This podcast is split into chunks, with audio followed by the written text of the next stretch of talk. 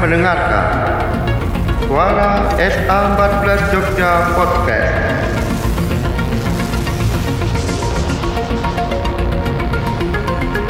Yang disuarakan dari lantai 3 sayap selatan PDM Kota Yogyakarta.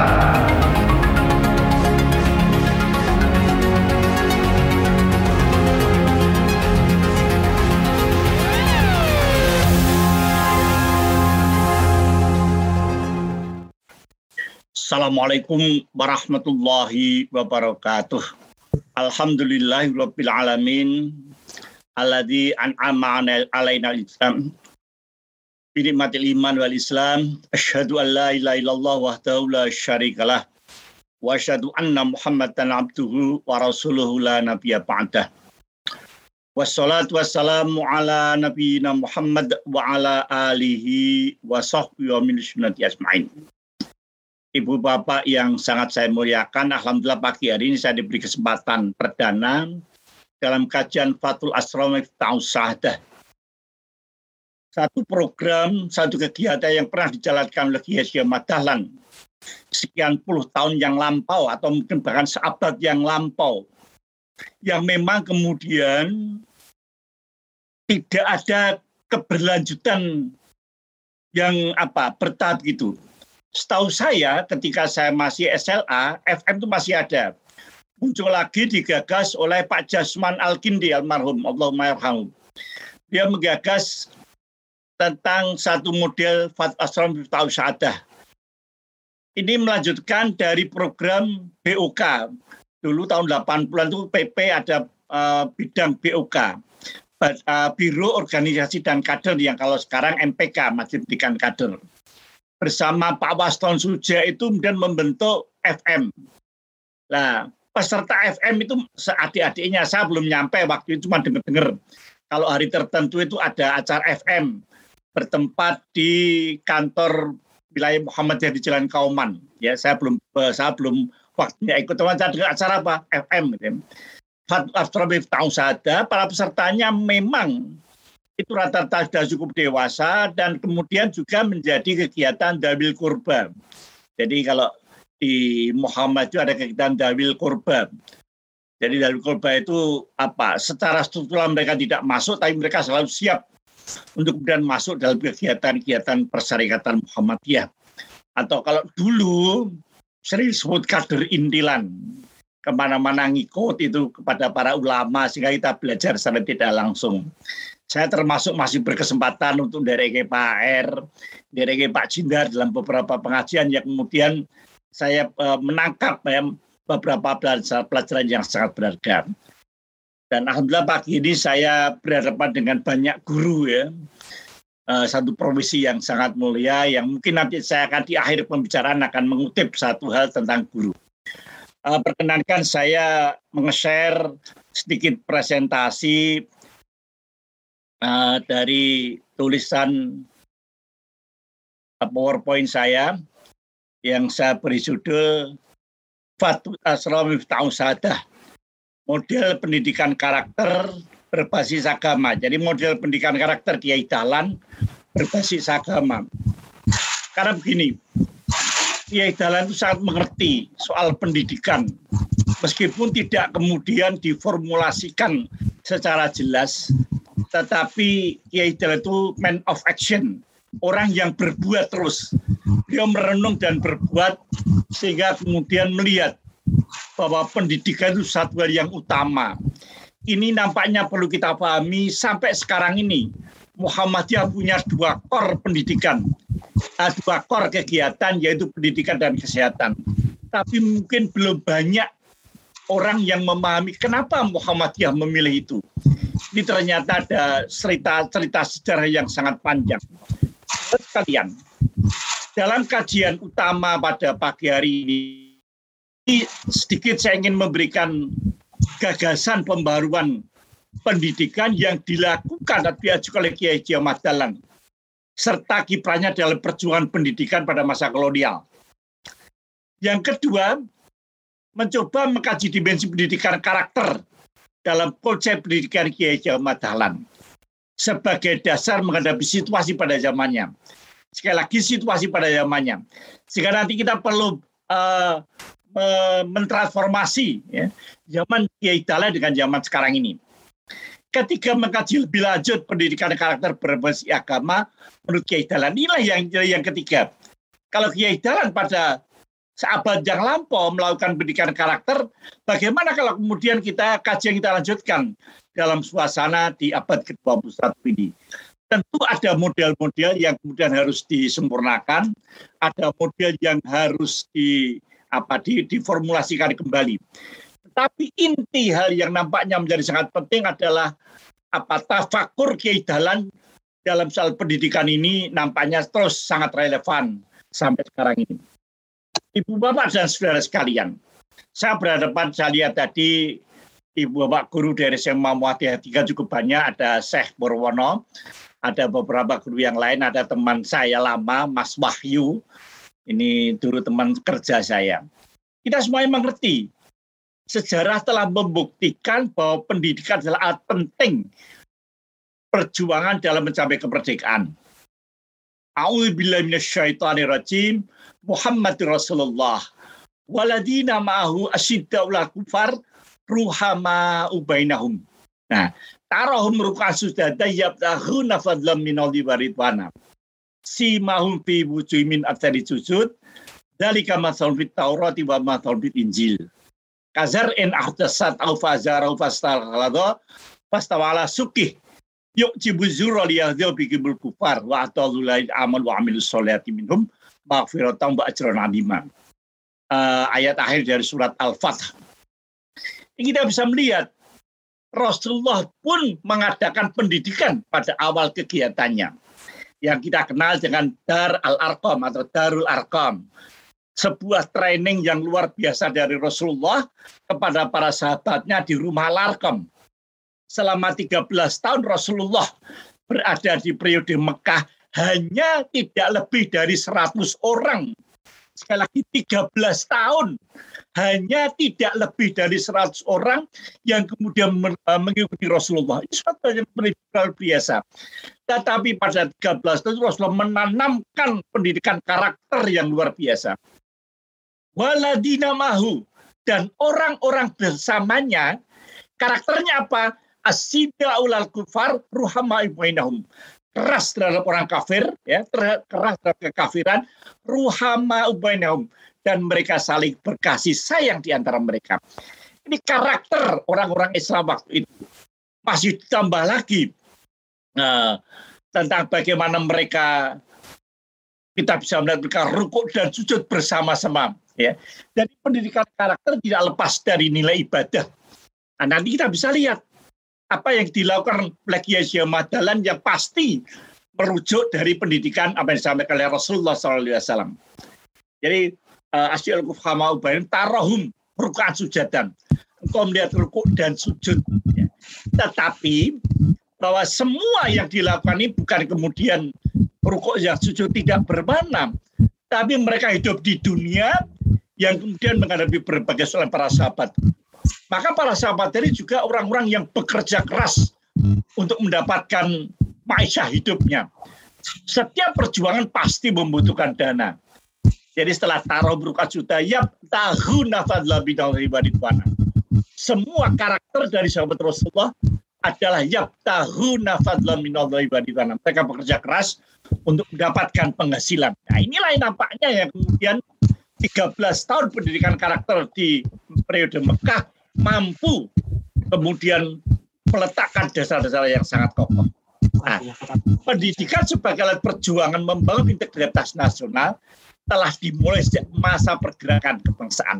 Kita mengenal zaman pergerakan sekitar dimulai tahun 15 atau bahkan di awal abad 20 kemarin. Ketika mulai ada Budi Utomo, ada gerakan apa, eh, syarikat Islam, dan kemudian isu partai dan sebagainya. Nah, ini semuanya menyadari Ya, memang ada dua, yang satu syarikat dagang Islam berbasis uh, bisnis perdagangan, yang satu kemudian kiai dalan pendidikan. Ya, ini menjadi menarik. Yang seperti Rasulullah, yang satu pendidikan karakternya kuat, bersama dengan itu mereka adalah pedagang-pedagang yang luar biasa. Nah, demikian juga ketika lahir Budi Utomo itu juga orang-orang yang berpendidikan. Indonesia Partai ketika di Belanda mereka adalah orang-orang yang berpendidikan. Maka kita melihat bagaimana pentingnya pendidikan untuk membangun masa depan. Kiai Madalan salah satu tokoh pendidikan yang turut memperjuangkan nasib bangsa Indonesia. Hmm. Ya. Kemudian Muhammadiyah yang didirikannya adalah satu gerakan pendidikan dari Islam. Ini nampaknya kita semuanya memahami. Cuman bagaimana kita menyadari betul bahwa pendidikan sesuatu yang sangat utama. Ibu, Bapak, dan saudara sekalian. Nah, persoalan adalah kemudian bagaimanakah dasar pendidikan modal Kiai Dalan yang sangat bisa darinya oleh beliau sendiri. Kiai Jalan Kiai Jalan berpandangan bahwa keadaan masyarakat yang menyedihkan secara ekonomi politik yang kita mengetahui pada awal abad 19, akhir abad 19 ketika kita melihat Islam yang diyakini agama yang benar, tapi belum mampu membawa perubahan. Masyarakatnya bodoh, miskin, terjajah lagi. Ini membuat Kiai Dalan selalu berpikir apa sih yang salah dalam Islam kalau mereka beragama Islam tapi kok kehilangan kemuliaannya. Kehidupan agama yang kurang sesuai dengan Quran dan hadis menyebabkan sikap fatalistik. Yo wis ngene dan statis. Tidak ada kepinginan untuk reformasi, melakukan perubahan dan kemudian mereka ya kalau kita dijajah itu given. Ya, inilah sebetulnya kalau dalam politik itu kadang-kadang seperti itu. Seorang pemimpin itu kadang-kadang yowis ya rapopo. Rakyat harus menderita, nah, tetapi rajanya yang kaya raya ini sesuatu yang kadang-kadang politik seperti itu membuat rakyat bodoh. Nah, untuk mengatasi diperlukan kebangkitan kesadaran baru agar masyarakat memiliki self reliance, kepercayaan diri untuk mengubah dirinya tidak sederhana. Bagaimana Rasulullah pada masa jahiliyah mengajak beberapa orang untuk yakin kita itu bisa berubah. Seperti pada zaman normal, zaman penjajah itu banyak masyarakat yang makan ini zaman normal. Yang mereka bisa mendapatkan pendidikan Belanda bisa kaya raya, tetapi masyarakat yang miskin ya wis kaya meniki. Nah, inilah dan Kiai Dalan mengajak masyarakat untuk self reliance, percaya diri untuk mengubah dirinya. Bagi orang yang tak beragama, kembali ke Quran dan Sunnah sebagai cara membangun jati diri, self identity. Jadi bagaimana identitas kita kembali pada Quran. Sehingga percaya diri muncul keberanian untuk berjuang melawan kemungkaran. Inilah yang nampaknya diinginkan oleh Kiai Dahlan. Kita bisa melihat ada satu yang menarik. Maka kemudian Kiai Dahlan mengatakan, apa yang dilakukan ini?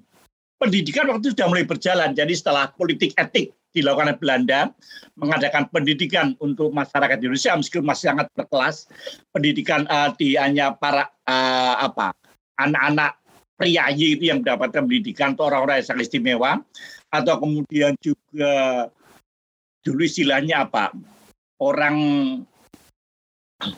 jadi ada waktu itu kan masyarakat berkelas ya, ada piyayi, ada masyarakat jelata itu. Tapi kita melihat memadukan pendidikan agama dengan pendidikan umum. Ini bukan sesuatu yang sederhana. Nanti kita lihat bagaimana cara Kiai Dal memadukan pendidikan dan pendidikan umum. Kita sekarang sering mengatakan Muhammadiyah memadukan pendidikan agama dengan pendidikan umum. Tapi kadang tidak semua dari kita itu mengerti apa yang mestinya dilakukan ketika memadukan pendidikan dan pendidikan umum. Apalagi kemudian kita mentransformasikan pada masa sekarang ini di abad ke-21 ini. Ibu Bapak dan saudara sekalian, kalau kita lihat sekarang pendidikan Muhammadiyah yang mengembangkan nilai-nilai Islam dan pengetahuan umum seperti yang telah diangkat dalam konsep Kiai Dahlan memiliki tujuan yang seiring dengan tujuan pendidikan nasional. Ya, sekarang ini loh. Tetapi karena kita tidak menyadari apa yang dulu dilakukan Kiai Dahlan, kadang-kadang pengeterapannya secara individual itu kurang pas, saya katakan. Bukannya tidak pas, kurang pas secara umum pendidikan Islam itu mengembangkan utama ya apa? memanusiakan manusia, mengangkat harkat martabat manusia dalam posisi yang sebenarnya. Apa? Menjadikan manusia mampu mengembangkan seluruh potensi yang dimilikinya sehingga berfungsi maksimal sesuai dengan fitrah yang digariskan oleh Al-Quran dan hadis yang pada akhirnya akan terwujud manusia yang Tuhan. Sekarang pada periode kemarin kita selalu apa manusia seutuhnya. Tapi kadang-kadang kemudian kita tidak mengerti persis bahwa itu saat yang lampau Kiai Dahlan juga sudah seperti itu. Yaitu mengembangkan seluruh potensi yang dimilikinya. Pada waktu Kiai Dahlan melihat masyarakat Islam meski waktu masih letter batas masyarakat Jawa yang sehari-harinya nrimo ing pandum dalam arti negatif mereka bekerja ala kadarnya ya. Tapi kemudian mereka terikat dengan tradisi-tradisi yang dibangun dibentuk oleh masyarakatnya untuk membuat mereka tetap terbelenggu. Kalau bulan ini bulan Suro itu mereka melakukan kegiatan-kegiatan ritual tertentu. Kalau enggak mereka akan jatuh bangkrut. Nah itu ditanamkan sehingga memang masyarakat menjadi terbelenggu. Inilah yang oleh kita yang harus dibongkar. Makanya Fatul Asram Miftahul Sa'adah itu dalam bahasa saya membongkar penderitaan membuka pintu kebahagiaan. Al-Asrar itu rahasia. Jadi Fat Asrar itu eh, pintu rahasia untuk menuju mencapai kebahagiaan. Miftah Sa'adah. Ya, jadi kenapa dinamakan Fatul Asrar Miftah Sa'adah itu pintu rahasia untuk mencapai kebahagiaan. Ini sesuatu yang nampaknya kita perlu.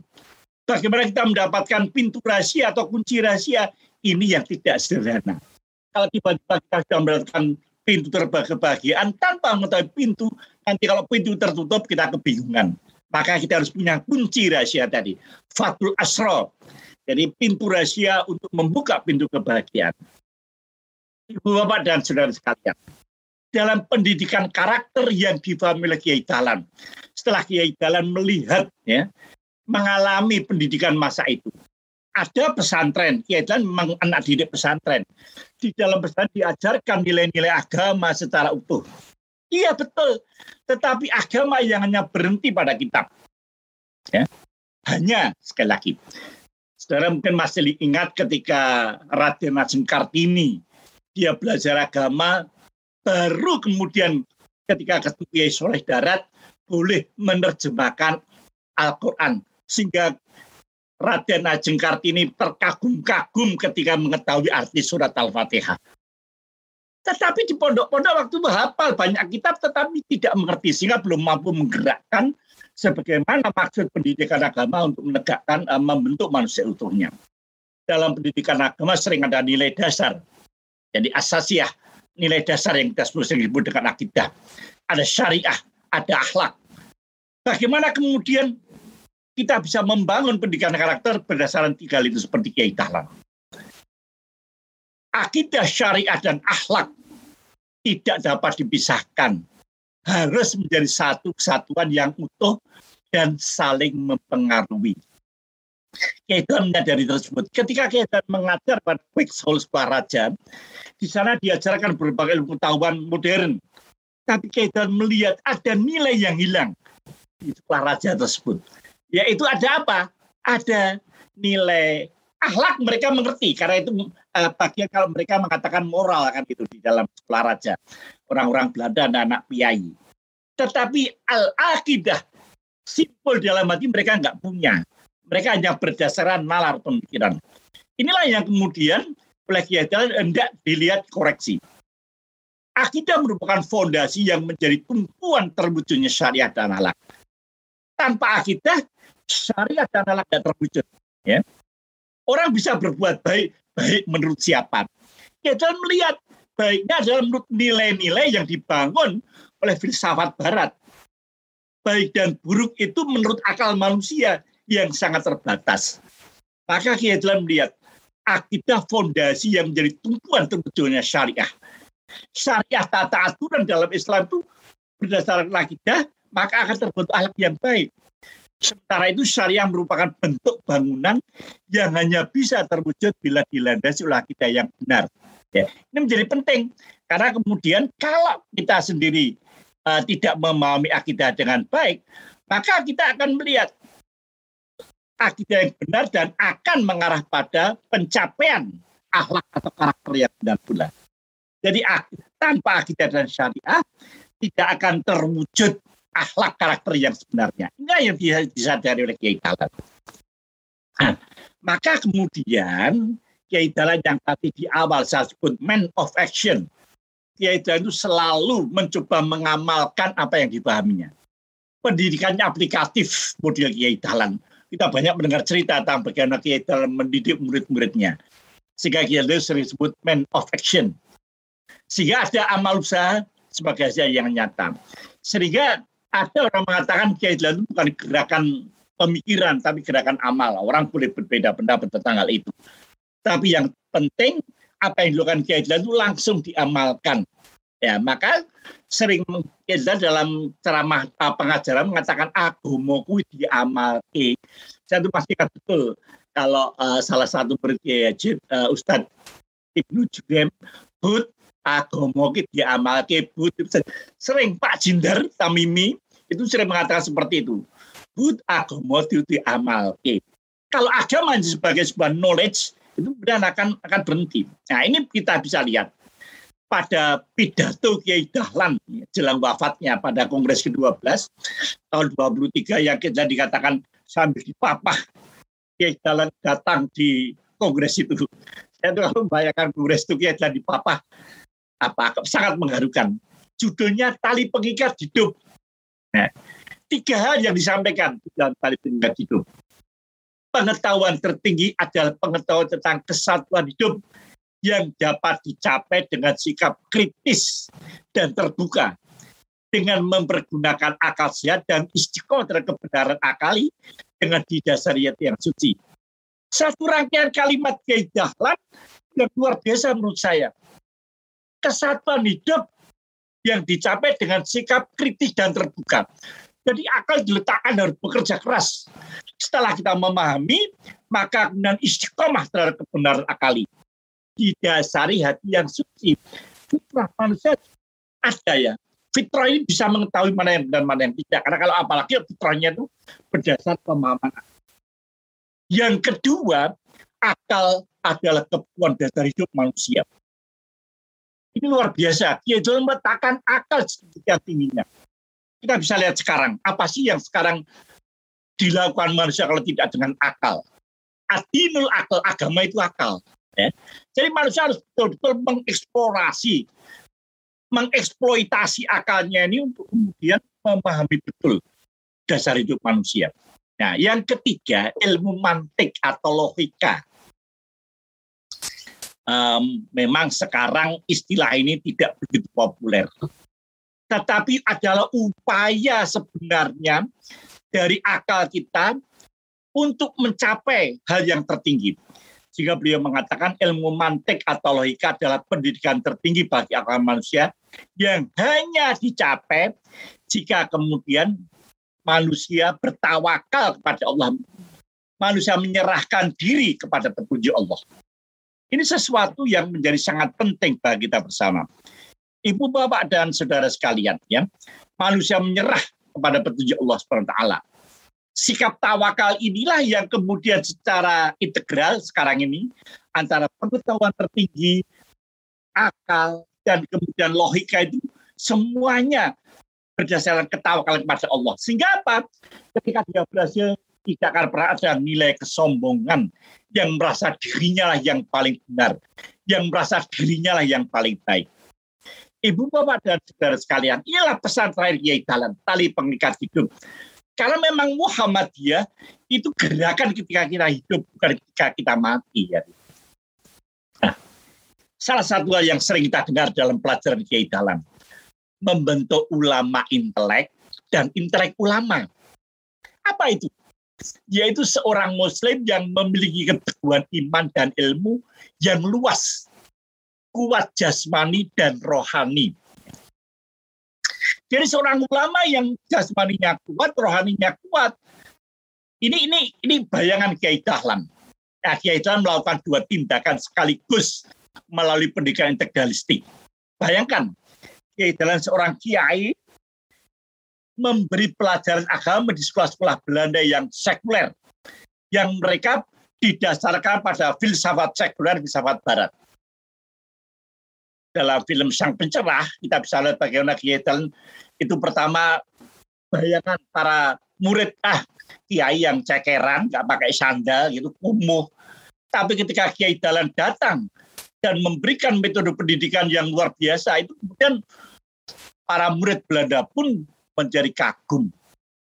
Yang kedua, mendirikan sekolah sendiri dengan ilmu agama dan pengetahuan bersama-sama diajarkan. Ini kalau tidak orang yang betul-betul meng, apa, mengeras akalnya dengan bertawakal kepada Allah tidak sangat tidak mudah.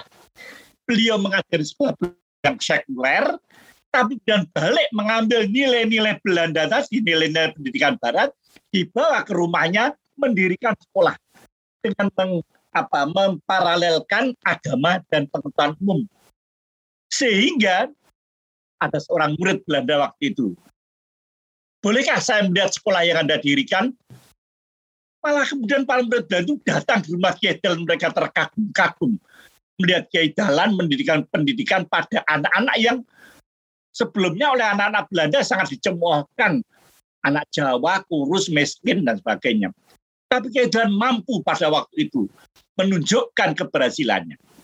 Nah, inilah Kenapa pendidikan dijelaskan Kiai Dahlan berakar pada pengamalan nilai-nilai agama yang menjadi pandangan hidup masyarakat. Anak-anak Belanda pun juga heran. Ternyata ada nilai-nilai yang asasi yang kemudian menjadi dasar pemahaman Kiai. Memang sesuatu yang tidak disadari oleh masyarakat umum pada waktu itu bahwa ada akar nilai agama yang kuat pada masyarakat yang bodoh pada waktu itu. Islam, dan itu ada cerita bagaimana Islam masuk di Pulau Jawa. Yang sebelum masyarakat Jawa itu masyarakat Hindu, masyarakat yang percaya animisme dan dinamisme. Saya kemarin berdialog dengan seorang uh, pakar ilmu juga. Beliau kemudian mengangkat kenapa orang-orang di Jawa Selatan itu dia menyebutnya santri abangan ya. Mereka muslim tapi mereka juga melakukan kegiatan-kegiatan ritual yang berbelok dari akidah ini nih. Karena apa? Karena dia melihat, oleh karena itulah kalau kita lihat bagaimana Islam masuk di Pulau Jawa, akan ada satu gambaran yang itu. Kenapa relatif masyarakat pantai utara Jawa dengan masyarakat selatan Jawa itu ada perbedaan? Nah, ini sekitar satu gambaran. Nah, oleh karena itu menjadi sangat penting Ibu Bapak dan sekalian agama seperti saya tadi maksud tidak cukup sekedar dipahami secara tekstual. Melainkan harus dilakukan atau diamalkan. Agomo kuwi diamalke but. Itu saya tanamkan betul kata Pak Jindar dan Ustadz Ibnu Jubrin pada saya. Dalam kehidupan sehari-hari untuk perbaikan kehidupan. Pendidikan tidak hanya sekedar mencerdaskan anak secara intelektualitas, tapi lebih kepada membangun secara utuh kepribadian dan karakternya. Jadi kalau eh, Menapadu selalu membangun manusia seutuhnya, itu tidak dalam pendidikan karakter. Itu nanti ibu bapak, apalagi para guru bisa mendeskripsinya menjadi sangat luas. Tetapi tetap ya, pembangunan karakter secara utuh itu sesuatu yang tidak bisa ditinggalkan. Ada yang menarik saya pernah melihat seorang orang wali murid yang protes ketika anaknya itu di pendidikan agama nilainya anjlok gitu ya, dikasih nilai 4. Si orang tua murid itu datang ke sekolah. Ini bahasanya nggak kasar juga. Apa anak saya itu suka mencuri? Apa anak saya itu ah di, di ajingan itu ya itu apa seperti ini sehingga nilai agamanya drop. Nah inilah yang kadang-kadang para guru agama nyun sewu perlu memperhatikan secara utuh gitu ya. Bagaimana memberikan nilai pendidikan agama karena kadang nilai pendidikan agama juga agak pada masih pada uh, nilai-nilai apa knowledge gitu ya belum masuk pada nilai substansinya. Tapi Kiai Dahlan apakah muridnya sebaik-baik enggak? Kiai Dahlan mengundang para pemuda-pemuda yang suka apa hedonis gitu bahasa sekarang ya. Ini menjadi menarik, tapi jangan mengikuti mereka dan nanti itulah FM. Ya. Pendidikan lebih memperhatikan ketiga aspek penting ya ini moral, mental dan fisik. Jadi Kiai Dahlan itu luar biasa. Fisik pun menjadi perhatian Kiai Dahlan. Moral ya, mental itu biasa mencoba memisahkan. Tapi ini menjadi satu yang sangat menarik untuk kita kaji lebih lanjut. Sekarang kita lihat beragama Kiai Dahlan seperti apa tuh? Seperti tadi saya katakan berulang-ulang, beragama itu amal. Dia berbuat melakukan sesuatu sesuai Quran dan Sunnah. Orang yang beragama, orang mengharapkan jiwa dan hidupnya kepada Allah. Fa'akim wajhaka lidini hanifah. Hadapkanlah wajahmu kepada agama Allah yang hanif. Fitratalilati fatorona sa'alaiha la tabdila. Dalika dinul qayyim balakin aksarona silayak lamu. Maka ada ya tidak salah ya. Maka hadapkanlah wajahmu kepada agama yang agama itu apa? Adilul qayyim. Adilul qayyim itu apa? Agama yang diciptakan oleh Allah Allah yang menciptakan agama paralel cocok. Karena kalau Allah menciptakan manusia, Allah menciptakan, agama sebagai guidance, sebagai buku panduan yang dibuktikan dengan tindakan dan perbuatan seperti rela berkorban, baik harta benda maupun miliknya. Kita tentu mengenal betul Kiai dan bagaimana dia mengorbankan apa yang dimilikinya. Karena keyakinannya kepada satu hal yang diyakininya untuk dilakukan mengajarkan agama berarti mengajarkan anak untuk melakukan segala tindakan yang sesuai dengan yang dianjurkan. Tidak hanya mengejarkan knowledge-nya saja, pengetahuannya saja. Sejauh, agama, sejauh ini agama relevan untuk menanamkan karakter yang baik terhadap siswa. Karena pada hakikatnya karakter terbentuk dari tindakan yang dilakukan secara rutin dan terus-menerus. Nah inilah kalau dalam teori pendidikan ada namanya teori pembusanan uh, saya pernah mendengar seorang ulama di Jogja. Beliau menasihati pada anaknya, sing penting salah teo jolali. Karena anak pada usia tertentu kadang muncul satu keyakinan yang lain. Tapi beliau mengatakan sing penting salah teo jolali. Buya Syafi'i Ma'arif ketika berdarokan anak-anak muda yang apa berdiskusi dengan mengagumi teori-teori barat, Buya Syafi'i hanya menyatakan yang penting sholatnya jangan jangan lupa karena sholat itu imaduddin ketika kita tetap sholat insya Allah langkah kita itu terjejak gitu ya. Saya mencoba memahami itu. Pokoknya kalau sholat kita tidak tinggalkan insya Allah akan banyak yang bisa kita lakukan. Nah, inilah yang jadi penting. Itulah model beragamanya Kiai Dahlan. Nah sehingga kemudian bagaimana yang dilakukan kaitan belajar apa yang dilakukan di quick school sekolah raja sekolah guru tapi lebih banyak sekolah raja ya. Jadi kan di sana itu anak-anak pria yang sekolah. Atau di operating school for in class amtenaran Mbah Osvia yaitu sekolah Pamong Projo. Dua pendidikan itu yang di apa di, dilakukan lagi dalam kenapa kita masuk di sana? Ternyata ada hal yang luar biasa. Karena dia jangan mengajar di sana, karena beliau murid-murid ini kelak akan mempunyai murid apa? Sekolah, sekolah guru. Murid ini kelak akan mempunyai murid. Sedangkan setelah Bambang Projo, kelak akan mengatur masyarakat. Karena itu pada mereka perlu dan harus dimasukkan pelajaran di Islam dan jiwa Islam yang sedalam-dalamnya. Dan saya nggak berpikir, saya mengajar murid baik itu masih remaja. Tapi kita mengatakan ini nanti jadi guru yang punya murid. Kalau sekarang kita tanamkan pendidikan agama, insya Allah nanti mereka juga akan mengajarkan agama. Ketika ngajar di Osvia, mereka inilah yang nanti akan mengatur pemerintahan di tingkat cabang dan sebagainya. Kalau mereka ditanamkan pelajaran agama, luar biasa nanti akan mereka nilai-nilai agama akan terwujud di dalam kegiatan-kegiatan kepemerintahan ke masyarakat waktu itu. Nah, inilah alasan-alasan yang mendasari Kinang Kiai Talan untuk mengajarkan agama di sekolah-sekolah tersebut. Nah, sekarang kita masuk ke Fatu Asr kita usaha kunci rahasia membuka kebahagiaan ya. Uh, kadang ada saya mungkin tulisan saya salah mohon maaf. Peserta kelompok pemuda 25 tahun. Jadi yang diajak oleh Kiai Talan mohon maaf kegiatan FM ini dilakukan setelah Muhammadiyah berdiri. Dan menyasar para pemuda di Kauman khususnya usianya di bawah lima tahun. Mereka cukup dewasa diajak berpikir meskipun mereka dalam kegiatan agama belum menampakkan ciri-ciri yang beragama. Apa yang dilakukan Kiai Dalan? Mengadakan kegiatan sesuai dengan minat kegemaran peserta. Yang mau musik, musik, yang olahraga, olahraga, bal-balan gitu. Yang mau seneng dulan ya di, diajak dulan. Kiai Dalan itu apa memang mereka mengikuti gerak mereka tetapi kemudian bertahap memasukkan nilai agama dalam kegemaran tersebut. Nah, ada sebuah kisah yang menarik ini. Ada perbedaan apa ya? Ada salah paham antara Kiai Dahlan dan Kiai Yazid, muridnya yang termuda. Cerita ini jangan jarang diungkap. Suatu saat Kiai Dahlan sedang ketemu dengan para siswa FM ini. Fathul Asra Miftahul Sa'adah. Ya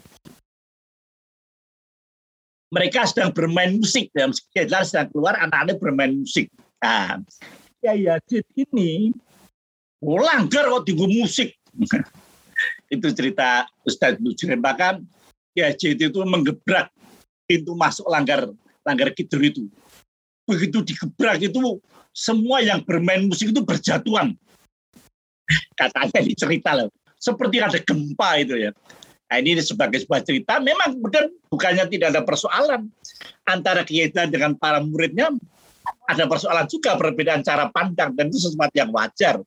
Waktu itu kan murid-murid Kiai Dalan yang seusia Kiai Haji, Kiai Suja, mereka sudah menjadi pimpinan Muhammadiyah, tetapi Kiai Dalan tetap membuka pintunya untuk orang-orang yang mungkin belum paham Muhammadiyah, bahkan paham agama itu.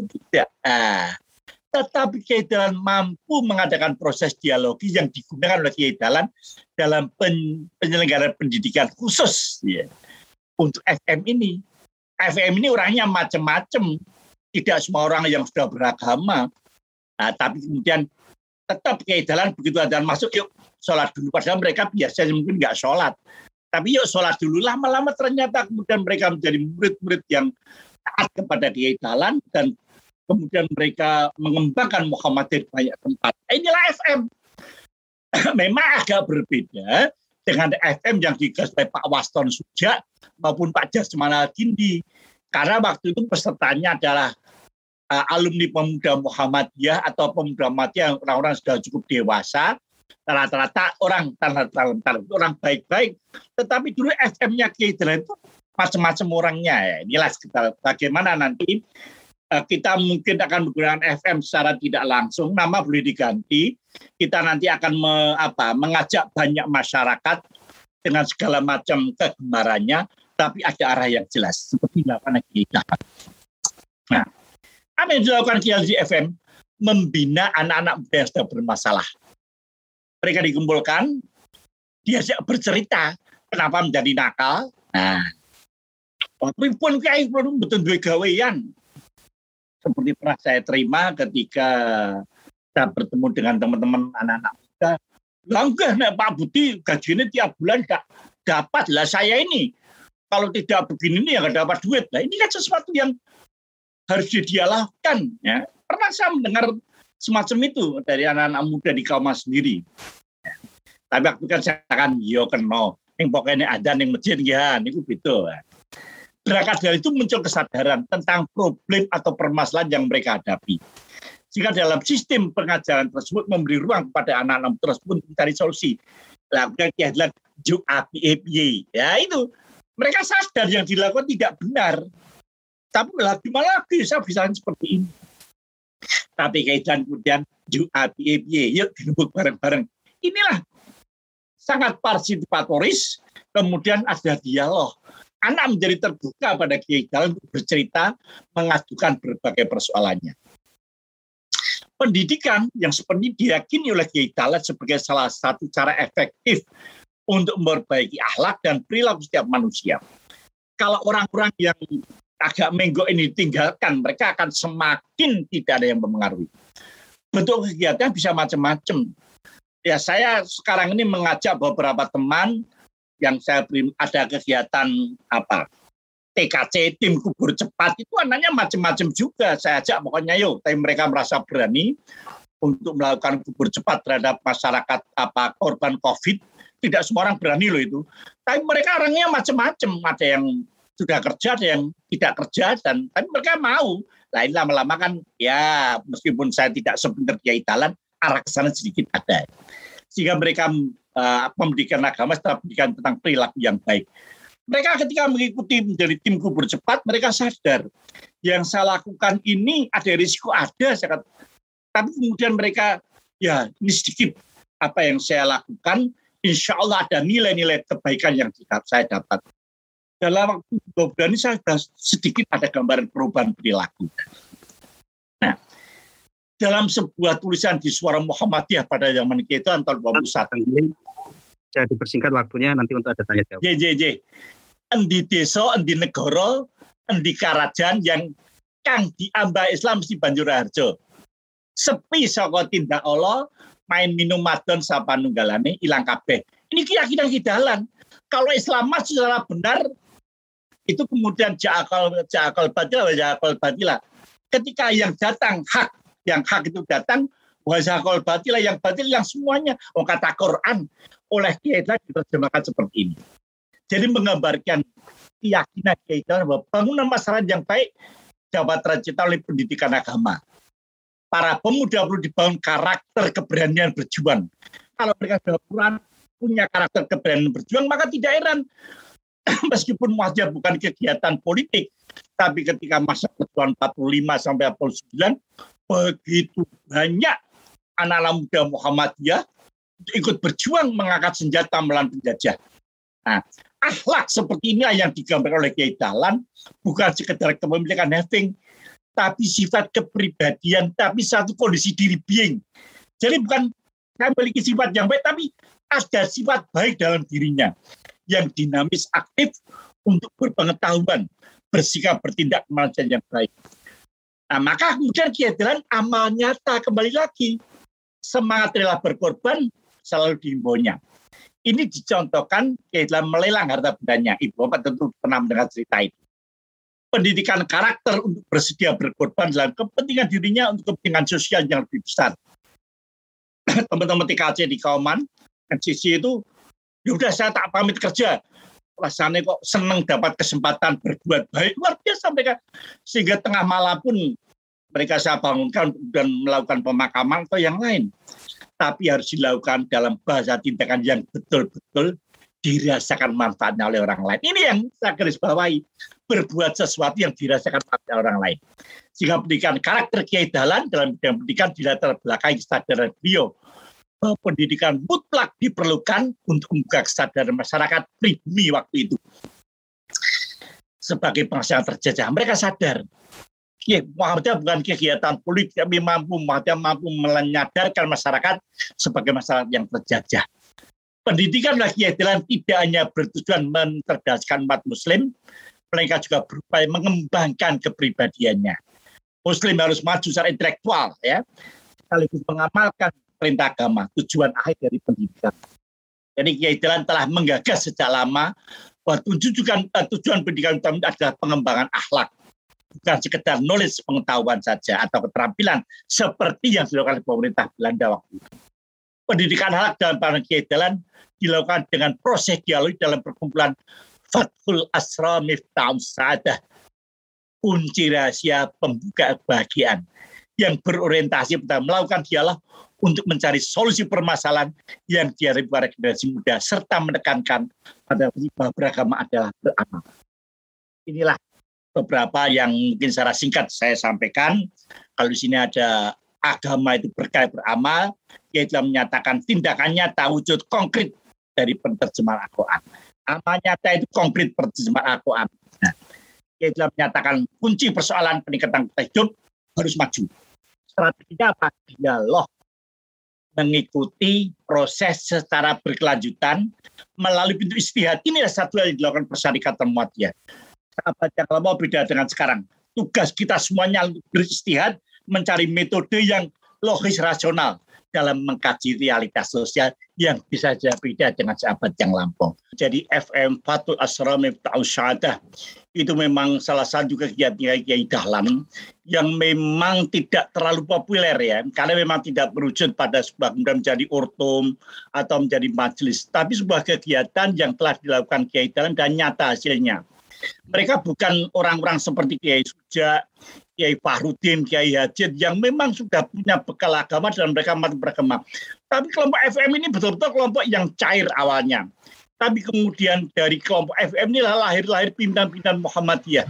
Karena mereka setiap orang pasti punya punya apa punya nilai tersendiri, punya kemampuan tersendiri. Dan ini terus dikembangkan oleh Kiai Dal. Kiai Dal dalam dialog itu dan memberikan mereka uh, rasa kemantapan bermuhammadiyah. Nah, inilah uh, saya juga melihat di tahun-tahun 80-an itu Pak Waston Suja, putranya Kiai juga membentuk kelompok FM ini dan dilanjutkan oleh Pak Jasman tapi sayangnya kemudian belum terlembaga secara baik sehingga kegiatan FM ini uh, hilang. Oleh karena itulah kalau kemudian sekarang kita bentuk dalam kajian, nanti masing-masing itu punya teman di kantor yang ini tak garap bu, ini tak tadi kata FM mungkin nggak usah beri nama, tetapi menjadikan coba tak cedak nih konco-konco yang punya kegemaran macam-macam ini akan menjadi orang Islam yang baik. Karena mereka akan mendapatkan sesuatu setelah mereka berislam. Makatan yang saya sampaikan sekali lagi dalam FM ini memang uh, tulisan ini saya coba kutip dari penelitian Mbak Diah Kumalasari. Dia seorang sejarawan di dosen UNY. Saya coba membaca tulisan-tulisan, saya coba menyerap dari tulisannya Prof. Munir Mulhan, juga tulisan-tulisan Tekem Muhammadan dari para peneliti Muhammadiyah saya rangkum ke sana kemari sehingga termaktub dalam tulisan. Sekali lagi mohon maaf, semoga yang tidak banyak ini bisa memberikan kesempatan pada kita. Jadi di mana pun kita bisa memberikan kelompok FM. Di sekolah pun seorang kepala sekolah mampu melihat orang-orang tertentu atau wali murid tertentu, yuk tak jadikan kelompok FM. Cair dulu nggak apa-apa. Tapi kemudian nanti secara dialah mereka akan menjadi terikat. Tidak semuanya jadi nggak apa-apa, tidak semuanya juga harus jadi. Matur mohon maaf. Assalamualaikum warahmatullahi wabarakatuh.